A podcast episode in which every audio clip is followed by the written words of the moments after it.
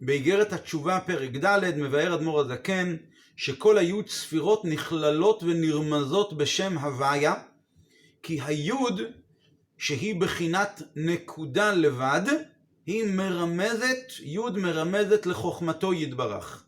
ואז הוא כותב בסוגריים, אדמו"ר הזקן, הקוץ שעל היוד זה רומז לבחינת רצון העליון ברוך הוא. ובעל התניא ממשיך, ואחר שבאה הנקודה, היוד, לבחינת התפשטות וגילוי של השגה והבנה, נכללת ונרמזת באות ה' של שם הוויה. אחר כך כשההמשכה הזאת, שנכללה כבר מהיוד לתוך ה', נמשכת ההשפעה, המשכה וההשפעה הזו יותר למטה, נכללת ונרמזת המשכה זו באות אותיות ו' וה', ו' כ'. כי המשכה הזו היא על ידי מידת חסדו וטובו ושאר מידותיו הקדושות, הנכללות בדרך כלל במספר 6, ו', ואחר כך זה מגיע למידת מלכותו, שהיא נכללת ונרמזת באות ה' אחרונה של שם הוויה. בעל התניא כאן מתאר למעשה שכל עשר הספירות נכללות ונרמזות בשם הוויה. אבל יש כאן איזשהו שינוי מעניין. לגבי כולם, בהתחלה הוא פותח ואומר שכולם נכללות ונרמזות בשם הוויה. ואז הוא אומר, היוד היא, הוא מדבר, יש הבדלים קצת איך שהוא מתייחס אל היוד ואיך שהוא מתייחס, מתייחס אל הקוצו של יוד. אולי ניתן איזושהי הקדמה. בעל התניא הסביר באיגרת התשובה, מה זה תשובה? שתשובה זה עזיבת החטא, ושלמות התשובה זה וידוי וחרטה וקבלה, וקבלה לעתיד. שזה על פי נגלה, ופרק ד' הוא מתחיל להסביר את הרעיון של אה, תשובה על פי חסידות, ולפני כן, על פי פנימיות התורה, ולפני כן הוא מסביר באריכות מה זה, איזה פגם נוצר על ידי החטא. ואז הוא מסביר שלמעשה כחלק הוויה עמו, נשמתו של יהודי היא שם הוויה. ואז הוא מסביר, מה זה שם הוויה? שם הוויה, כל הספירות נכללות במילה, באותיות י' וה' וו' וה'. אבל מעניין, כשהוא מדבר על הקוץ שעל היוד בסוגריים, אז הוא אומר, הקוץ שעל היוד רומז, לא נרמז, אלא רומז. ולגבי היוד הוא כותב מרמז. היוד מרמזת על חוכמתו. קוצו של יוד רומזת, לא מרמזת, רומזת על, על, על אה, אה, רצון העליון, הכתר. וכאשר הוא מדבר על שאר מידותיו, שאר הו' והה', אז הוא, והה', ו' וה', פה הוא אומר נכללות ונרמזות. נרמז בהם, לא הם מרמזים, אלא נרמז בהם. זה הערות שמאיר רבי לוי יצחק, אבא של הרבי, על השינויים שיש כאן בלשון. וזה מאוד מאוד מעניין. וגם, כאשר הוא מדבר על האות ה', ו' וה', בינה, זעיר אנפין ומלכות, הוא אומר נכללות ונרמזות, נכללת ונרמזת. באותיות האלה נכנה, חוכמת, הוא אומר שההשגה וההבנה נכללת ונרמזת באות ה', נכללת ונרמזת באות ו', נכללת ונרמזת באות ה' של אחריה. לא מרמז, לא רומז, אלא נרמז. כאילו הדבר עצמו הוא יותר גבוה, וזה נרמז רק בה' ו' וה'. ולגבי י' והקוצו של י' הוא לא אומר שזה, אלא הוא אומר י' רומז, לא נרמז בו, אלא הוא רומז למשהו גבוה יותר. ועל הקוצו של י' הוא אפילו אומר, הוא אומר רומז, ועל הי' עצמו הוא אומר מרמז. מה, מה זה השינויים האלה? שינוי נוסף, שבפתיח אדמו"ר הזקן אומר שכל הי' ספירות, כולל הי', נכללות ונרמזות בשם הוויה. מה הסוד שיש כאן? בעצם אנחנו יודעים שלפי מה שרואים מכאן, בספירת החוכמה, היוד, יש שני עניינים. זה שהיא אחת מהעשר הספירות, ויש לה צד שווה לשאר הספירות, שמצד העניין הזה היא נכללת ונרמזת באות יוד, מצד שני יש איזה משהו מסוים שהיא מעל הספירות, בזה היא קצת דומה במידה מסוימת לקוצו של יוד, לכוח הרצון, ולכן שם מופיע הביטוי, אה, אה, ולכן שם לא מופיע הביטוי כלל, הביטוי נכללת, נרמזת, נכללת לא מופיע, וגם היא לא נרמזת באות י', אלא היא היוד מרמזת לחוכמתו יתברך. לא שחוכמתו נרמזת ביוד, אלא היוד מרמזת לחוכמתו. זאת אומרת, בספירת החוכמה יש שני עניינים. יש מצד אחד בספירת החוכמה משהו מסוים שהוא משוייך לשאר הספירות שהם כוחות שהם שייכים כבר אל הגבול, אל ההגבלה, אל האדם.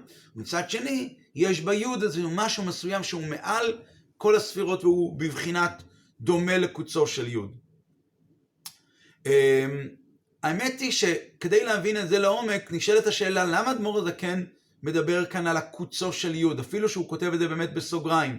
למה זה נוגע כאן? הרי אנחנו כאן רוצים להסביר שכל היוד ספירות הם, יש בהם התקללות בתוך שם הוויה. אז אם לבוא ולהסביר את העניין הזה, למה נוגע שהקוצו של יוד זה רומז על הקוץ שמעל היוד, זה רומז לבחינת רצון העליון שלמעלה מעלה ממדרגת חוכמה. מה זה נוגע כאן באמצע הביור של שם הוויה? הרי הביור כאן בשם הוויה רוצה להסביר שבעצם זה הכל הקדמה כדי להסביר שגם בנשמת האדם, כחלק הוויה עמו, יש גם כן בין נשמתו של האדם חלק משם הוויה, ועל ידי זה יש את הפגם, ועל ידי זה יש את תיקון הפגם, כמו שהוא מסביר באריכות בפרק ד', אז למה צריך, צריך כאן להסביר שיש אה, אה, אה, משהו בשם הוויה יותר גבוה, אה, קוצו של יוד, למה הוא הכניס את זה כאן? נקודת הדברים היא כזו.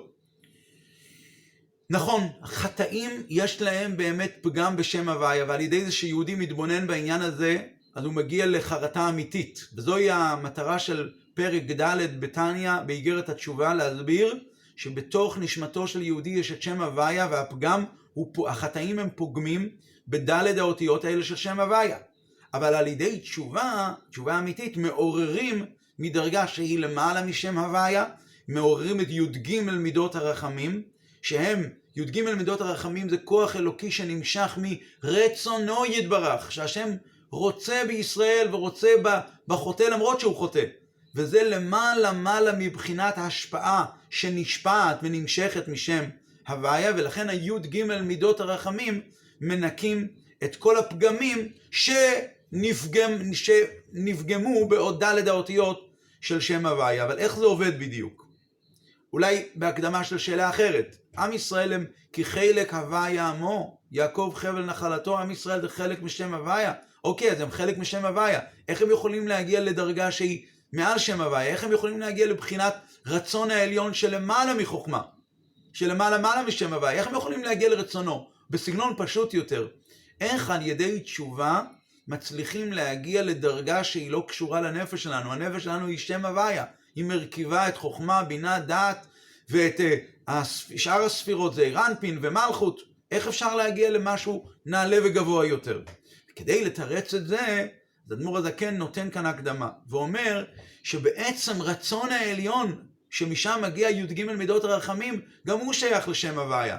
רק שהוא לא שייך לאותיות שם הוויה, אלא הוא שייך לקוץ שעל היוד, ולכן מכיוון שחלק הוויה עמו, מכיוון שיש שם הוויה בתוך כל יהודי, אז מובן שישראל, מכיוון שהם, יש להם את שם הוויה, ויש הרי קוץ באותיות שם הוויה, באות הזו יש קוץ, והקוץ הזאת שעל היהודי רומזת ל... לרצון העליון שלמעלה משם הוויה, לאור האלוקי שהוא מעל ההגבלה הזאת של י' וה' וו' וה', שזה העשר הספירות, והרי משם נמשך הסליחה והכפרה, ומכיוון שכן, יש ליהודי את היכולת להגיע אל המקום הזה שנקרא י"ג מידות הרחמים, ולהמשיך משם את התשובה. ולפי הרעיון הזה, שרצון העליון שמנקה את כל הפגמים שנפגם שם הוויה, נרמז בקוצו של יוד, לפי הרעיון הזה מוסבר עוד עניין. איך אפשר לומר שבבחינת הרצון שלמעלה מעלה משם הוויה יכולה לנקות פגמים שנגרמו בתוך האותיות עצמם? הרי זה מובן שיש סליחה ומחילה, אני אפשר להבין את זה. למה? האור האלוקי שנמצא ברצון העליון שבשם הוויה, הוא לא מלובש באותיות, הוא לא מלובש באותיות מוגבלות של שם הוויה, הוא רצון אלוקי פשוט, הוא, הוא אור אלוקי שהוא לא מוגבל במציאות הנבראים. מציאות הנבראים פה למטה, אם הם פגמו או לא פגמו, חטאו או לא חטאו, זה לא תופס מקום לגביו.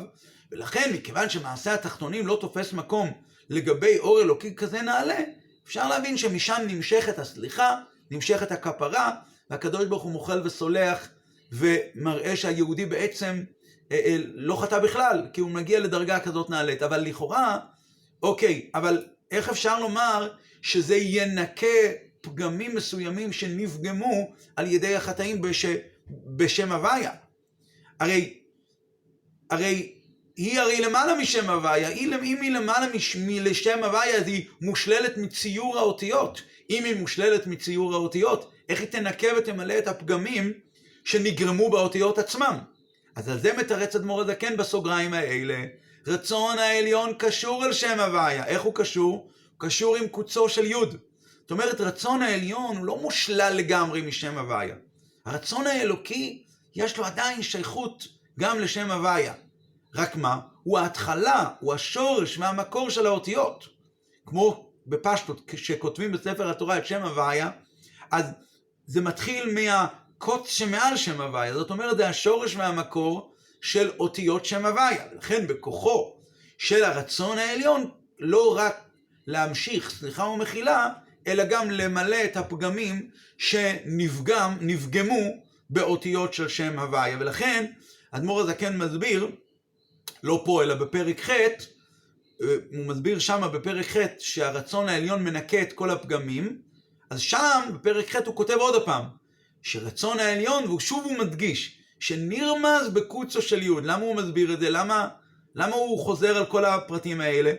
אלא אה, אה, ההדגשה היא שרצון העליון שהוא למעלה מעלה מאותיות שם הוויה, אבל בכל זאת כדי שהרצון העליון הזה ינקה וימלא את הפגמים, ינקה על מצוות לא תעשה וימלא על מצוות עשה שני, חסר האור האלוקי, כדי שהרצון האלוקי העליון יוכל לנקות את הפגמים שנפגם באותיות שם הוויה, אז דרושים שני קצוות. מצד אחד צריך שהכוח לנקות את הפגמים יגיע ממדרגה גבוהה ביותר, ששם לא, לא פגם בכלל, הוא למעלה משם הוויה, אור אלוקי, כאילו כביש עוקף עוקף שם הוויה, מצד שני הכביש הזה בעצם מוביל אותנו, מסתבר שזה אותו כביש.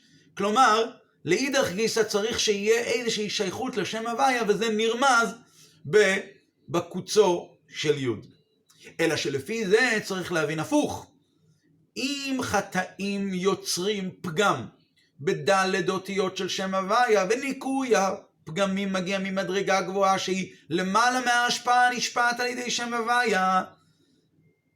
השאלה, שהיא, השאלה היא כזו, למה באמת אור אלוקי גבוה כזה של שם הוויה נפגם על ידי פעולות של בן אדם? כי חלק הוויה עמו.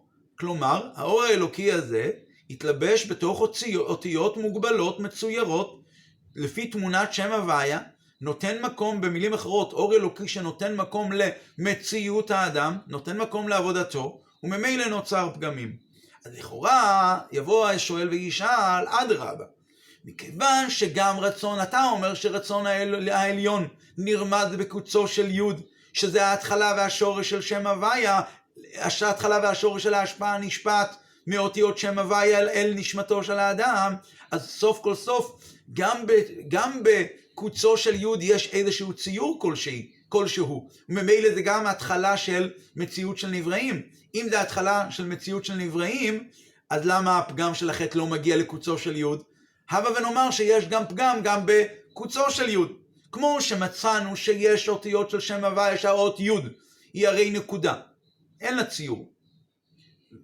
לכאורה. או בסגנון אחר, הציור כולו מראה שהיא בטלה לגמרי, כמו החוכמה בפשטות בנפש האדם, שזה מגיע בדרגה של ביטול, ואז מאיר האור האלוקי מלמעלה. כלומר, חוכמה היא מבטאת כל כולה, היא לא מבטאת את עצמה, היא מבטאת את ההתבטלות שלה כלפי האור האלוקי, חוכמה, כוח מה, אז, אז ובכל זאת, ובכל זאת, יש פגמים גם ביוד של שם הוויה. למה יש פגמים? כי סוף כל סוף היא מציאות של אות. היא אמנם בגיאומטריה היא מאוד מאוד קטנה, אבל יש כאן איזושהי מציאות של ביטול, יש כאן איזושהי מציאות כלשהי, יש כאן איזה ציור. אז יש באור האלוקי שבאות י' ציור כלשהו שזה מראה על שייכות כלשהי למציאות, וזה נותן נתינת מקום למציאות הנבראים, וזה נותן מקום לפגם. אותו דבר גם לקוצו של יוד. נכון שקוצו של יוד הוא ציור פחות מהציור של היוד עצמה, של האות יוד, אבל סוף כל סוף יש גם לו איזושהי מציאות. יש מקום בדיו על הקלף של קוצו של יוד? כן. אז לכאורה האור האלוקי שמרומז בקוצו של יוד, תכף נראה שזה לא בדיוק מרומז, רק רומז, האור האלוקי שנמצא כביכול בקוצו של יוד, רצון העליון שמעל שם הוויה, גם הוא שייך סוף כל סוף לאיזשהו ציור ולאיזושהי הגבלה, הוא לא שולל לגמרי את מציאות הנבראים. אם הוא לא שולל את מציאות הנבראים, איך אין בו פגם? איך משם דווקא מגיע מילוי הפגם ומילוי וניקוי הפגמים והחסרונות? האמת היא שהשאלה הזו היא גם שאלה לגבי אות י', חוכמה. הפגם שיש בבחינת החוכמה שבנפש האלוקית, על ידי שבן אדם חוטא באיזשהו עניין מסוים שהוא יוצר פגם באות י'. לכאורה, הפגם הזה הוא לא בחוכמה, הוא לא בחוכמה הגופה, לא בחוכמה עצמה. באותיות ה' ו' ה' של בינה, זה עיר אנפין ומלכות, שם הפגם הוא ממש באותיות עצמם. אבל באות י' עצמה אין פגם באמת על אמת, אלא רק, אדמו"ר הזקן אומר בעצמו בפרק ד' שזה יש, שהפגם הוא רק בבחינה המתפשטת ממנה לשאר הספירות. כלומר השייכות של חוכמה אל שאר הספירות, שסוף כל סוף חוכמה היא נקודת הרעיון, ועל ידי זה סוף כל סוף נותן מציאות אה, אה, אה, עתידית ללקוחות שבאים לאחריה, לספירות שבאים לשאר הספירות, וההסבר בזה הוא מאוד מאוד פשוט, כי מציאות החוכמה היא מציאות של ביטול, ולכן מאיר בה האור האלוקי, כמו שכתוב בתניא, בפרק ל"ה, אחד האמת שהוא לבדו הוא, ואין זולתו. זה מאיר בספירת החוכמה. אז ממילא בספירת החוכמה גם כן לא שייך איזשהו חיסרון. כל החיסרון שייך רק בבחינה המתפשטת ממנה, כי חוכמה זה ביטול. חוכמה עצמה זה, זה, זה, זה ביטול.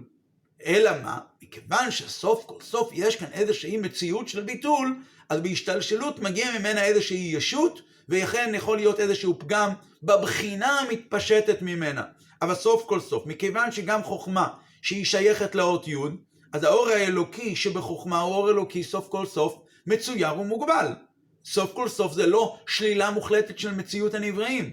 אז למה הפגם באמת מגיע רק לבחינה המתפשטת מחוכמה ולא לחוכמה עצמה? גם לארי יש ציור.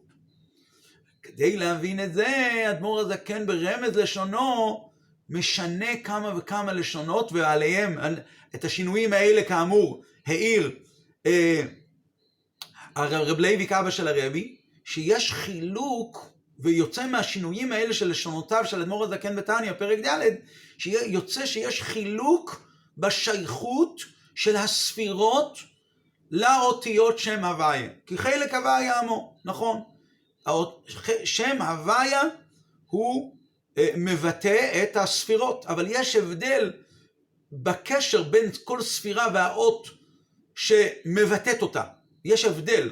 הספירות זה בינה, ה', ואחרי זה זה עיר אנפין, שזה הו', ואחרי זה המלכות, שזה הה' האחרונה, אומר אדמו"ר הזקן, נכללות ונרמזות באותיות שם הוויה. יש כאן התקללות ויש כאן נרמזות, הספירות האלה נרמזות בשם הוויה. כלומר, הציור הזה, ההגבלה הזאת של האותיות האלה, זה גם הגבלה לא רק באותיות, אלא גם בספירות עצמן. יש כאן ספירות אלוקיות שאלוקים יוצר, בינה זה רנפין ומלכות, אבל הן ספירות עם איזשהו ציור מסוים. וזה נכללות ונרמזות באותיות האלה, שלאותיות האלה יש ציור מסוים, ולכן הפגם של החטאים פוגם בהם. ואם בן אדם חטא באיזה חטא שפוגם באות ה', או פוגם באות ו', או פוגם באות ה', אז הוא צריך, אז כביכול נכרת הקשר של נשמתו, וזה כל הרעיון של כרת, שנכרת הנפש, ונכרתה הנפש, כלומר השייכות שבין הנפש לבין האות. האות והנפש. אבל הרצון והחוכמה, נתחיל אולי מהחוכמה והרצון, שזה למעשה דרגת הכתר, הם לא נכללים ונרמזים בתוך האות י', הם לא נכללים ונרמזים כמובן לא בקוצו של י', אלא הי' וקוצו של י' הם רמז עליהם. הם, הם רמז עליהם, לא שהם נכללים ונרמזים באות י' ובקוצו של י', אלא הי' וקוצו של י' הם רק רמז, מסתכלים על הי' זה רמז לחוכמה, אבל זה לא שיש התקללות של החוכמה בתוך הי', ולא, ודאי לא הקוצו של י' בתוך הרצון האלוקי, הכתר, הוא רק נרמז, הוא רק נרמז בתוך הי', הוא רמז, הוא לא, סליחה, הוא לא נכלל ונרמז בתוך הי', בתוך הקוצו של י', הי' וקוצו של י' הוא רמז עליהם. אבל הספירות עצמם, ולכן הספירות עצמם לא מצוירות, הן לא מתלבשות גם כן בציור קוצו של י' והי', ולכן לא שייך פגם בהם עצמם, הם למעלה מציור של אותיות. ולכן הוא, אדמו"ר הזקן לא אומר את הביטוי נכללות ונרמזות. על ה' והאהבה והה' הוא אמר נכללות ונרמזות, ואילו על הי' וקוצו של י' הוא לא אמר. ומה הוא כן אמר? הוא אמר שהן רומזות. אבל כאן בא חילוק נוסף. מהו החילוק? שבחוכמה, נקודת היוד של החוכמה היא מרמזת לחוכמתו יתברך. המם של המילה, במקום להגיד רומזת לחוכמתו, כמו שהוא אמר לגבי קוצו של יוד, שקוצו של יוד רומזת לכתר העליון, לרצון העליון, על יוד הוא לא אמר רומזת, הוא אמר מרמזת. מה ההבדל?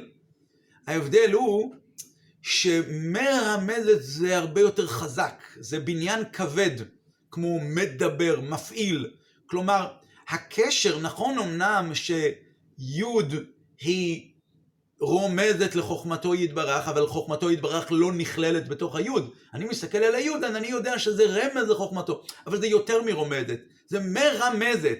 זה, יש שייכות חזקה יותר בין האות יוד לבין ספירת החוכמה, שמזה מובן שיש קצת באמת שייכות בין אור החוכמה עם הכלי הזה שנקרא אות יוד, ולכן שייך בה איזה פגם. בכל אופן איזה פגם? בבחינה המתפשטת ממנה שייך איזשהו פגם. אבל קוצו של, לחוכמה עצמה לא, אבל לקוצו, אבל לבחינה המתפשטת מחוכמה בשייכות לשאר הספירות, יש איזה פגם וצריכים לטפל בזה. אבל בקוצו של יוד, הוא לא אומר מרמזת לרצון העליון, אלא רומז לרצון העליון. רומז זה לשון קל, זה לא לשון כבד, זה לא מרמז. ושזה אומר שהרצון עצמו, רצון העליון עצמו, הוא אין לו קירוב של הגבלתיות לקוצו של יוד, ולכן בקוצו של יוד, בבחינת הרצון העליון לא פגמנו ולא חטאנו, ויש קשר עצום בנשמתו של יהודי לבין הרצון העליון של הקדוש ברוך הוא, שהקדוש ברוך הוא רוצה את הנשמה של היהודי, ואז הוא לא פגם בכלל. ושם אין באמת פגם. ומה עושה הקוצו של יהוד? הוא רק רומז לא מרמז, אלא הוא רומז שיש כאן איזה עניין של רצון העליון. לכן יש, למעשה יש שני קצוות ברצון. מצד אחד יש לו שייכות לקוצו של י' ועל ידי הקוץ יש לו שייכות לכל שם הוויה. ולכן הוא מנקה את כל, ולכן יש לו כוח לנקות ולמלא את כל הפגמים שנפגם בשם הוויה. הוא לא רק מביא סליחה ומחילה, הוא גם מנקה וממלא את כל הפגמים. אבל לאידך הוא לא נתפס בקוץ הזה, הוא נשאר תמיד למעלה מעלה מאותיות שם הוויה, ולכן החטאים לא מגיעים שמה, ולכן אין שמה שום שייכות לפגם. דוגמה לעניין הזה, טלית וציצית. בלקוטי תורה, אדמו"ר הזקן מסביר באריכות, שהוא מסביר ככה, הוא אומר, בטלית עצמה, בטלית הגשמית, אין קדושה. אפשר להשתמש בה בדברי חול. בציצית לא משתמשים לדברי חול. כך כתוב בהלכה. מה הפירוש? מה רואים מזה? לא, לא הכוונה שהטלית היא לא שייכת למצווה. אדרבה, מבואר בכתבי האריזל שהטלית, קדושת הטלית גדלה מעלתה במאוד מאוד על קדושת הציצית, החוטים עצמם. ולכן הציצית הם רק נימין הנמשכים מהטלית. אז איך אפשר להסביר את זה? התשובה היא הציצית הם רק נימים שהם נמשכים מהטלית, זה מורה שיש איזה אור מצומצם שמתלבש בציצית ולכן נמשכת כאן קדושה. קדושה אלוקית חדרה כאן ונמשכה פנימה בצורה מצומצמת, בציצית עצמה. אבל קדושת הטלית היא מגיעה מאור אלוקי כל כך נעלה ומרומם שלמעלה מעלה מכלים שלמעלה מהתלבשות, רק מה, שהטלית בפועל היא מקיפה על האדם, אז בעת שהטלית מקיפה על האדם היא רמז על אור אלוקי המקיף. אבל בעצם הקדושה של הטלית היא, היא לא נכנסה בצורה מצומצמת אליה. ומכיוון שאור המקיף הוא לא נמצא בצורה של התלבשות מוחלטת בטלית, לכן באמת אין בטלית, כאשר הטלית הגשמית, פה למטה אין בטלית הגשמית שום קדושה. אז זה, אז זה בעצם, עוד דוגמה אפשר להביא, דוגמה, הדוגמה הזאת של מהטלית לאור אלוקי שהוא בעצם מקיף, והוא רומז רק למשהו, הטלית פה למטה רומזת למשהו שהוא למעלה לגמרי משייכות לכלים, ולכן בטלית הגשמית אין קדושה, מותר אפילו להשתמש בה בדברי חול. הדוגמה לזה בעולמות העליונים היא לבחינה שנקראת בשם אנוכי, שכתוב בזוהר שאנוכי זה, זה אני מי שאני. הקדוש ברוך הוא אומר אנוכי הוויה אלוקיך, הוויה זה כבר אור אלוקי מוגבל, י' וה' וו' וה', אבל אנוכי, מה זה אנוכי? דלא יתפס בשם. ולא יתרמיז בשום אות ובשום קוץ כלל. זאת אומרת, אנוכי זה משהו כזה שהוא לא נרמז, אין, אין קדושת השם במילה אנוכי. אין קדושת, במילה אנוכי אין קדושה. בהוויה יש קדושה, זה בשם השמות, ואדרבה, זה שם העצם, שמות שלא נמחקים.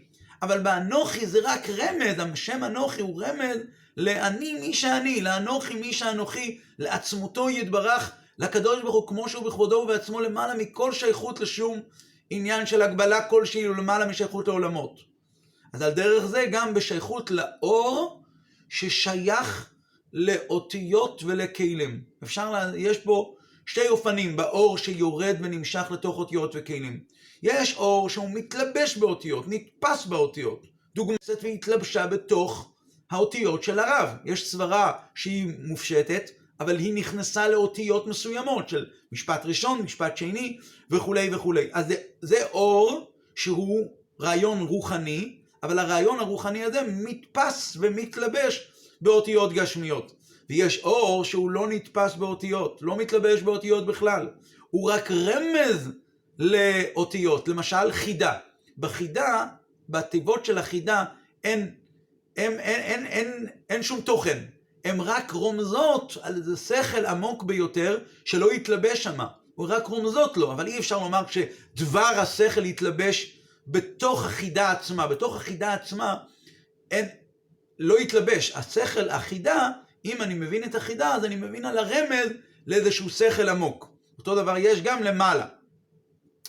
איך הוא אומר לגבי אנוכי? דלא יתפס בשם ולא יתרמיז לא בשום אות ולא בשום קוץ. אז מסביר הרבי שיש כאן גם הבדל.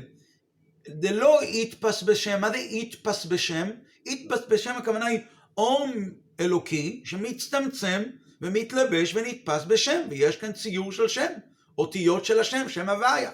הנקודה, לדוגמה, הנקודה של האות י' היא רמז על הביטול של ספירת החוכמה. הקוץ שמעל הי' אין בה צורת אות, יש בה רמז לבד. אז רמז על כתר, על הדרגה של כתר, שזה דרגה שהיא למעלה מההשגה, זה מתגלה, הרצון האלוקי לא מתגלה בצורה רשמית, בצורה מוגבלת, אלא זה מתגלה רק בדרך של רמז. אבל האור, אבל האור עצמו, האור עצמו הוא אומר לא נתפס, אז יש נתפס בשם ויש נתפס באות ובקוץ. אז הוא אומר האור עצמו לא מתלבש ולא נתפס בציור של האות והקוץ, כאשר מדובר על י' וקוצו של י'. לעומת זאת, כאשר מדובר על ה', ו' וה', שם יש כבר ממש ממש התלבשות בתוך האותיות. אולי נסביר את זה בצורה כזו. יש את הכתר, הרצון האלוקי. וברצון האלוקי אין שום כלי שמכיל אותו. ולכן הרצון האלוקי הוא מקיף, הוא מתלבש בכל, כמו בגוף, בגשמיות, בגוף האדם, שהרצון האלוק, הרצון שבנפש הוא לא מתלבש באיזה איבר ספציפי. כי בן אדם רוצה להניע את היד, הוא מיד יניע את היד, כי הרצון נמצא בכל הגוף בשווה, אין לו איזה כלי מסוים שבו הוא מת, נתפס ומתלבש, וזה הכתר. כאשר מדובר על חוכמתו, על רצונו יתברך, זה דרגת הכתר, שלא שייך שהיא תתלבש בשום עניין. אפילו לא בקוצו, לא מתלבש בקוצו של יוד. קוצו של יוד הוא רק, כאמור, רמז על, על הכתר. אחרי זה יש את דרגת חוכמה. בדרגת חוכמה, פה, כמו בגשמיות, בדרגת חוכמה, שבן אדם שיש לו נגיד רעיון שהבריק לו, אז פה יש כלי, אבל הכלי הוא אור. כלומר, מה הבנתי כאן? לכן, כאשר בן אדם מבין איזו הברקה רעיונית בדרגת חוכמה, אז הוא בעצם לא הבין. כוח מה? זאת אומרת, כל מציאות החוכמה היא עניין של ביטול. ולכן, גם בחוכמה עצמה, נכון אמנם שיש כבר כלים, אבל הכלים הם, הם, הם, הם בבחינת אור. ולכן, לא שייך לומר שהחוכמה היא נכללת באות י', לא, לא אומרים את זה, החוכמה נכללת ונרמזת באות י', לא, היא לא נכללת באות י', והיא לא נרמזת באות י', כי י' זה כלי, או זה, זה אות, אחרי הכל זה אות, אלא מה?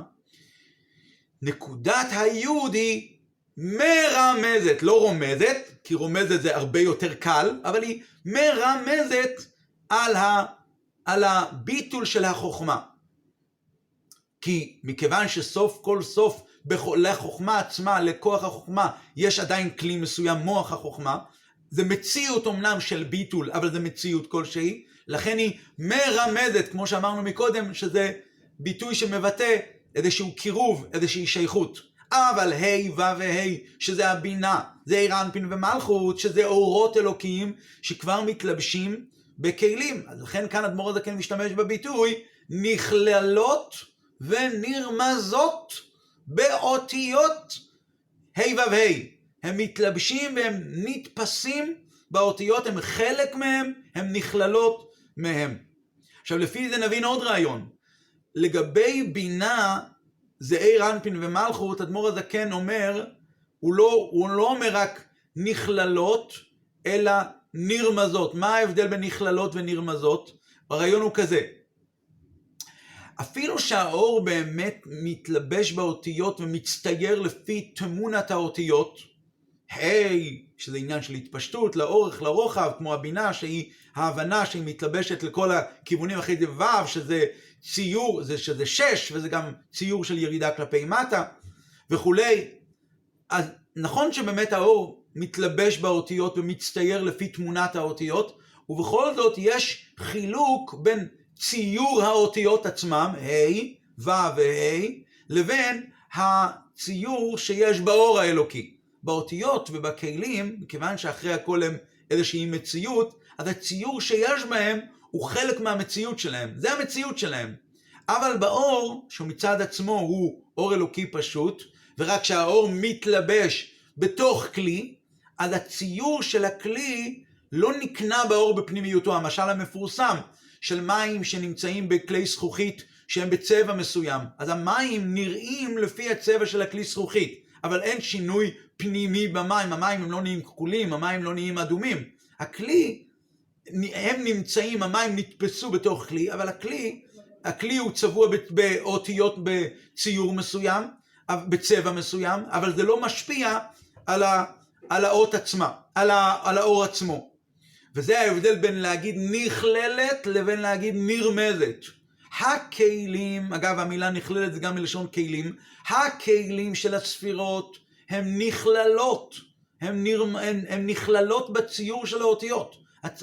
הכלי, הכלי של הספירות, כלי החוכמה, אה, לא כלי החוכמה, כלי הבינה, כלי הזעיר אנפין, כלי המלכות, זה כלי ש...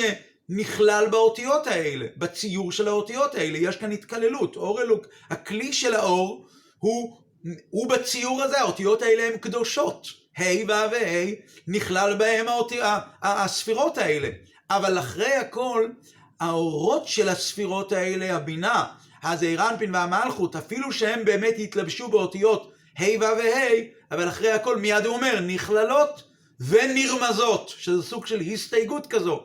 שהן נרמזות, כי אחרי הכל האותיות עצמה, האור האלוקי הוא פשוט, רק שהצבע של המים הוא זה שנותן לו את הצבע הספציפי הזה. ולמעשה, כמו, כיוון שבפרק הזה הוא רוצה להסביר שיש בה מצוות, יש מצוות מסוימות, שפוג... יש מצווה שפוגמת באות י', יש מצווה שפוגמת באות ה', יש מצווה שפוגמת באות ו' וכן הלאה, אז למעשה אותם המצוות שהן פוגמות או ממלאות את הפגם או מוסיפות חיות אלוקית לאותיות האלה, גם במצוות עצמם שבהם שהן תלויות בשם הוויה יש את שני העניינים. יש את מעשה המצוות ויש את כוונת המצוות.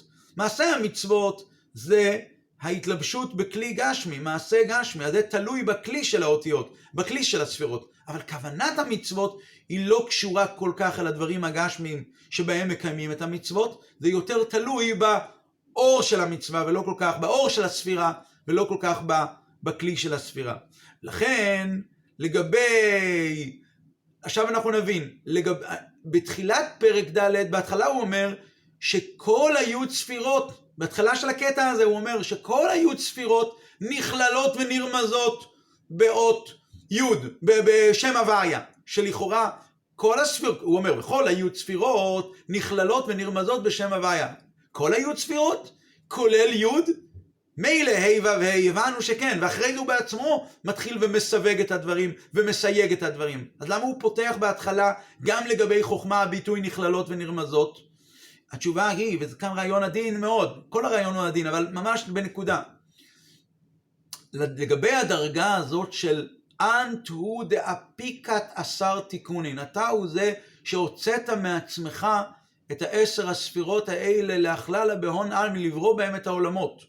הדרגה הזאת של אנט הוא דאפיקת, שזה למעלה מהיוד ספירות, הרי לגבי הבחינה הזאת, אז גם בחוכמה שיש בה אחרי הכל אורות וכלים, כמו שאר הספירות, מתאים לומר ביחס לדרגה הכזאת גבוהה של אנט הוא דעה פיקה, אתה הוא שהוצאת את הספירות האלה, מתאים לומר גם ביחס לחוכמה הלשון נכללות ונרמזות בשם הוויה. אמ, כי, כי אחרי הכל, גם בחוכמה יש אורות וכלים. נכון, הכלי הוא בבחינת האור גופה, הוא שונה מהה' והו', כמו שדיברנו מקודם. אבל ביחס לדרגה הנעלית הזו, מתאים לומר נכללות ונרמזות בשם הוויה, מה שאין כן ביחס לשאר הספירות, כיוון שכלי, סוף כל סוף, כלי החוכמה הוא בבחינת האור, כי באמת זה רק ציור של, של אות י' שזה נקודה בלבד, שזה רק מרמזת על חוכמתו יתברך, אז באמת זה משהו אחר, זה נקודת היודי באמת שונה מה... ה' ו' וה'. והאמת היא שבאמת מוסבר בחסידות במקום אחר, שגם בחוכמה עצמה יש שתי דרגות. יש את כפי שהחוכמה עצמה שהיא למעלה מגילוי, זה נקרא משכיל לאיתן, זאת אומרת שכל הנעלם מכל רעיון, הדרגה הנעלית הזאת של, שעדיין לא הבריקה בנשמתו של האדם, זה השכל הנעלם כמו שהוא. ואחרי זה, זה, זה ממש דומה לבחינת הכתר, לבחינת הרצון, דרגה מאוד מאוד נעלית. לעומת זאת, כאשר דרגת החוכמה כבר היא בתנועה של גילוי, שאז היא התלבשה כאילו באדם, והאדם מבין משהו מסוים, הוא לא מבין, הוא מבריק לו משהו מסוים, כאשר הבחינת חוכמה היא בתנועה של גילוי, אז זה כבר דומה כבר לשאר הספירות, ולכן כשמדובר על היוד ספירות, אז הוא אומר על כולם, בשם כללי, הוא אומר נכללות כולם, כל היוד ספירות, כולל בחינת חוכמה, כולל בחינת חוכמה בדרגה הנמוכה של חוכמה, נכללות ונרמזות בשם הוויה, אבל כאשר מדובר על חוכמה כמו שהיא מצד עצמה, שהיא שכל הנעלם מכל רעיון, אז הוא מדגיש ואומר שהיא בבחינת ההלם והסתר, והדוגמה לזה בנפש היא בחינת השכל הנעלם, זה נקרא היוד, והיא היוד, לכן היוד ציור, אות יהודי, מרמזת רק לחוכמתו יתברך, שיהיה לנו שבוע טוב וגמר חתימה טובה.